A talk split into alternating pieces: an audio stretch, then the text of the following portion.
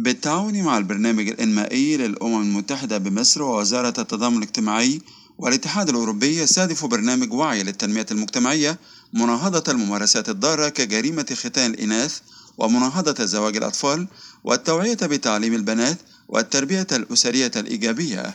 ووصفت وزيرة التضامن الاجتماعي الدكتورة نيفين القباج البرنامج بأنه ثورة فكر وصحوة أمة. برنامج وعي زي ما كنا بنتكلم عنه هو ثورة فكر وصحوة أمة هو نزول ميداني لمجتمعاتنا في الريف.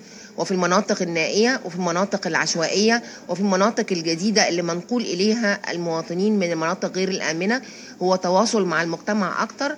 هو استكمال لحلقة تنمية مستدامة ومتكاملة بدأت بها الوزارة.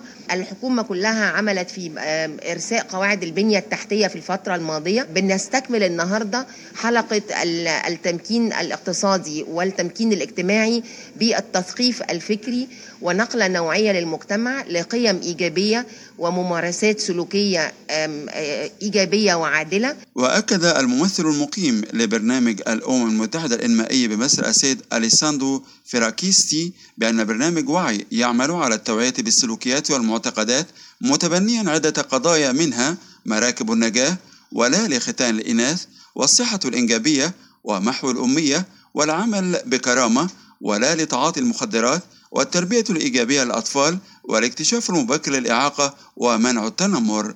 ومضى الممثل المقيم لبرنامج الأمم المتحدة الإنمائي بمصر قائلا نحن نريد تمكين قادة المجتمع المحلي ليكونوا صناعا للتغيير والمساعدة في رفع الوعي حول عدد من القضايا المهمة كختان الإناث والزواج المبكر والوقاية من المخدرات والسلوك الصحيح في قضايا الصحة والتعليم.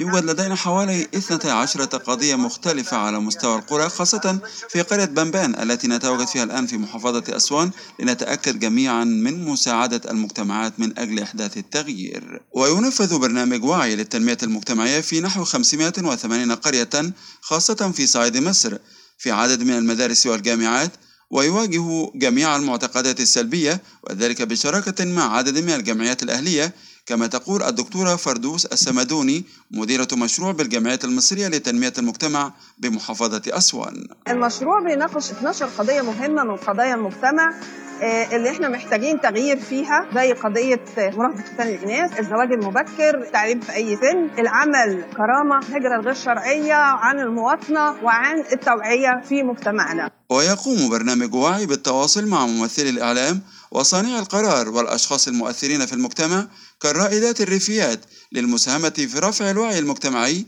حول القضايا المجتمعية التي يركز عليها البرنامج وهذا ما رصدناه مع عدد من الرائدات الريفيات في صعيد مصر. الرائدة هي همزة وصل ما بين الاتنين. بتاخد التدريبات والحاجات اللي هي بتحصل عليها الحاجات التثقيفية كلها وأي مبادرة وأي مشروع جديد وأي حاجة جديدة وبتبدأ تنزلها في المجتمع وتنشرها هي من خلال المجتمع.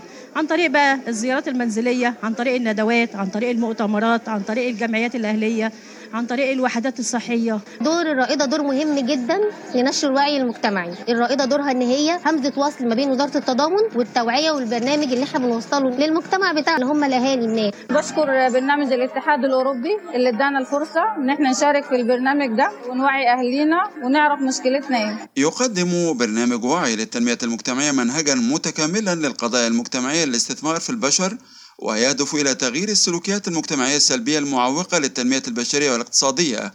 ويعمل برنامج الأمم المتحدة الإنمائية بمصر مع وزارة التضامن الاجتماعي في المستقبل القريب على نشر البرنامج حتى يصل إلى ثلاثة ملايين أسرة من الفئات الأكثر احتياجا في المجتمع لتوعيتهم بالممارسات الضارة والمفاهيم الخاطئة لتحقيق أهداف التنمية المستدامة لعام 2030 على المستوى المحلي.